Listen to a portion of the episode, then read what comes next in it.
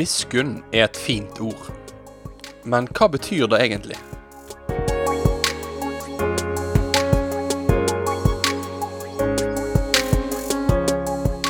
Velkommen til et eh, nytt program av Ord til liv med radio- og TV-pastor Ingvald Kårbø.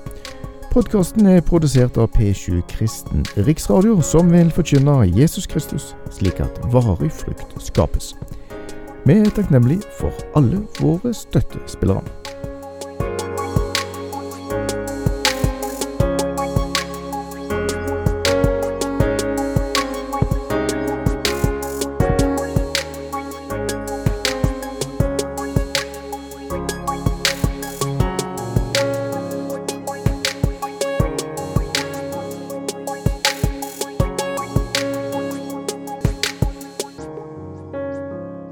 Miskunn.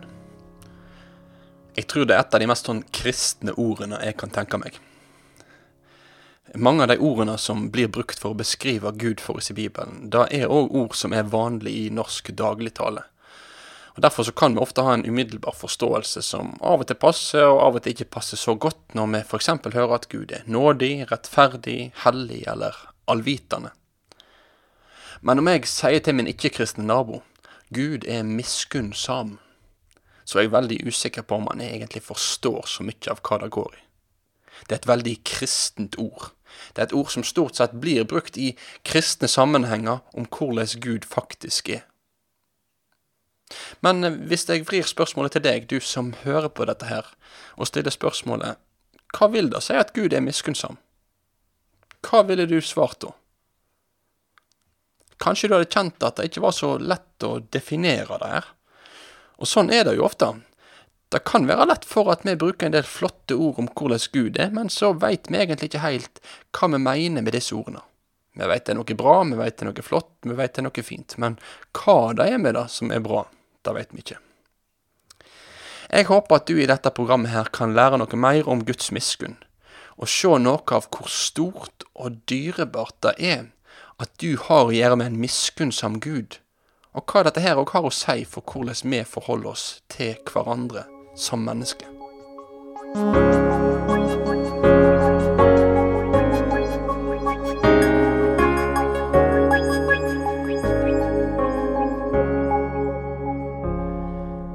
I de siste programmene av Ord til liv så har jeg vært innom andre Mosebok kapittel 34 der Herren viser sin karakter for Moses og for oss. For dette her det er noen av de viktigste versene i Det gamle testamentet for å forstå hvordan Gud er. Og her så møter vi òg uttrykkene knytta til at Gud er miskunnsom. Og nå skal vi lese i lag på nytt det som står i Andre Mosebok kapittel 34 og vers 6 til 7.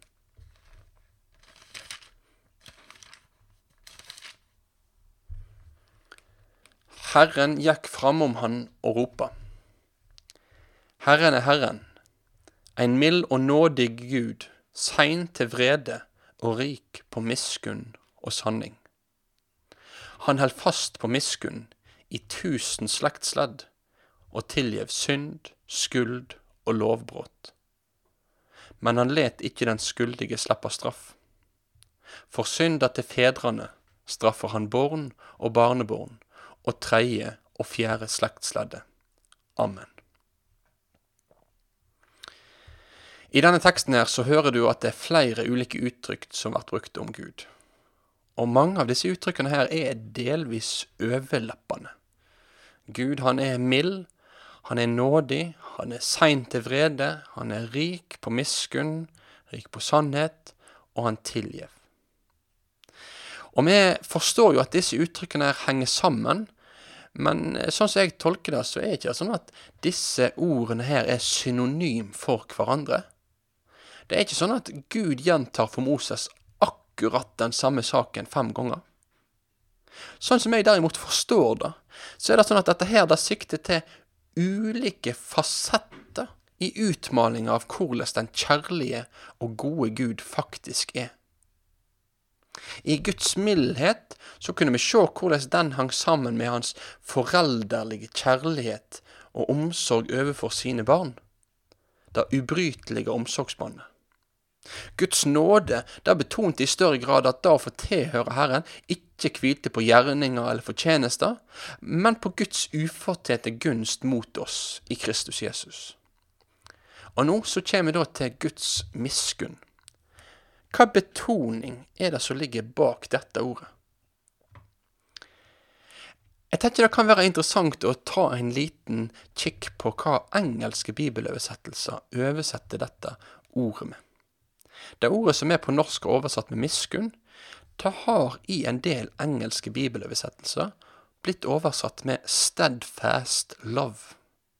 Steadfast love, eller trofast kjærlighet. Dermed så kan òg Guds miskunn oversettes med Guds trufaste kjærlighet.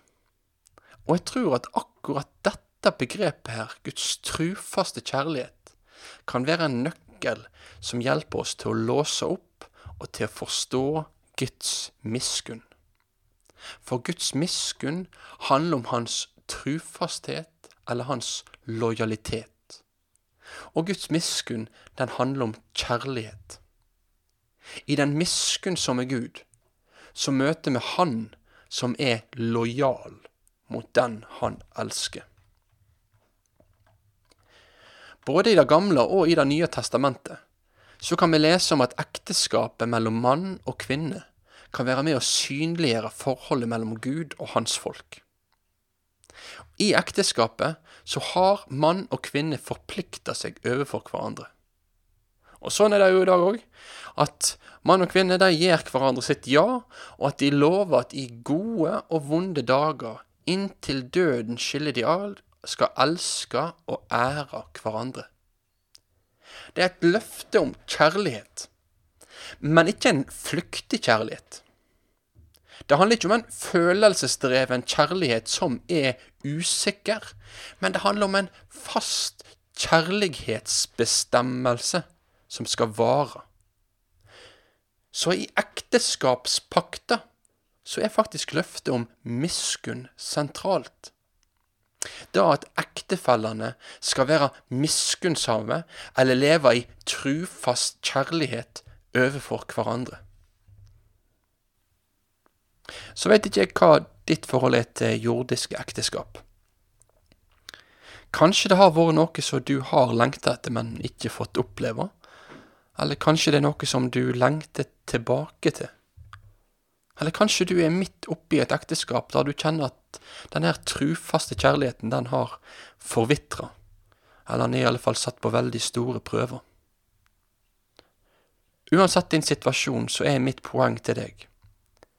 Jesus Kristus, han er, og han oppfører seg som, idealektemannen overfor sin brud, menigheten. Han er den som i trufast kjærlighet elsker menigheten, elsker deg som tror på Han, inntil døden, og òg etter at døden fører deg heim til Han.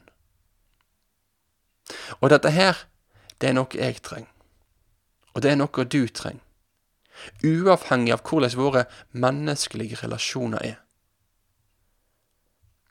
I møte med utroskap, illojalitet, smerte, skuffelser, sår.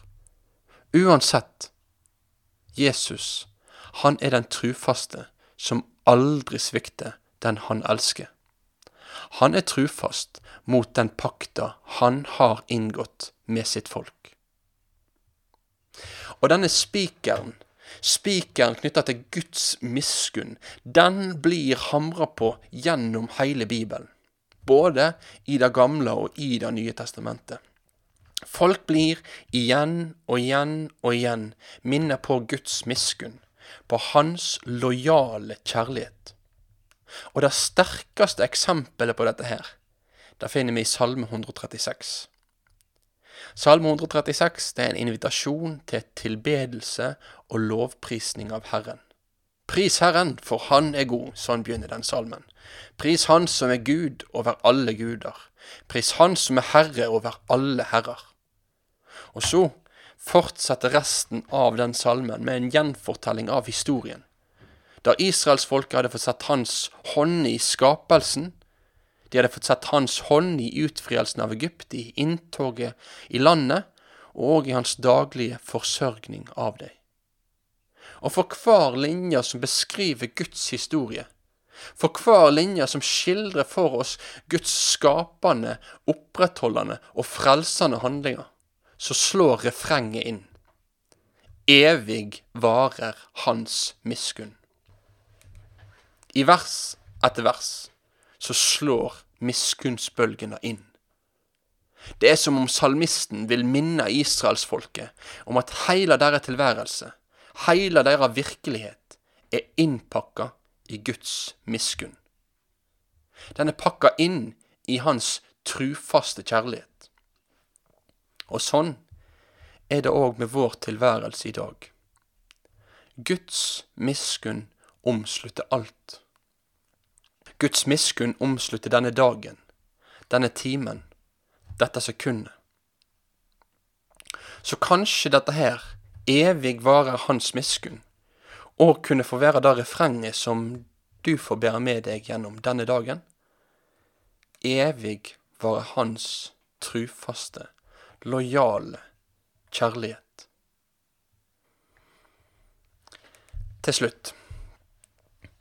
Når vi leser om Guds karakter i Bibelen, så er dette her framfor alt noe som står der for at vi skal lære Gud å kjenne sånn som Han er i sin herlighet, og få takke og prise Han for det. Samtidig så er det også sånn at når vi møter bildet av Gud i Bibelen, så blir òg vi gjennom det kalla til å bli likedanne med hans bilde i vår karakter og i vår omgang med våre medmennesker. Sånn som Gud er mot sitt folk, sånn kaller Gud òg oss til å etterligne hans karakter i møte med våre medmennesker.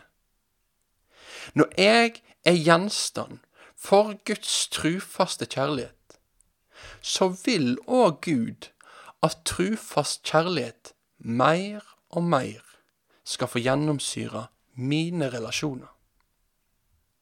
Og i Bibelen så finner vi òg historier om mennesker som får verta prega av Guds karakter, sånn at de blir til glede for deres medmennesker og til ære for Herren. I Rødts bok så kan vi lese om hvordan Herren blir lovprist for den trufaste kjærligheten eller den miskunnen som Ruth har vist mot de menneskene hun har rundt seg. Hun har vist seg som ei som ikke gjør det som var mest fordelaktig for henne, men hun har handla ut ifra lojal kjærlighet overfor de hun var forplikta til. Vær du òg trufast, til det beste for de menneskene du har rundt deg.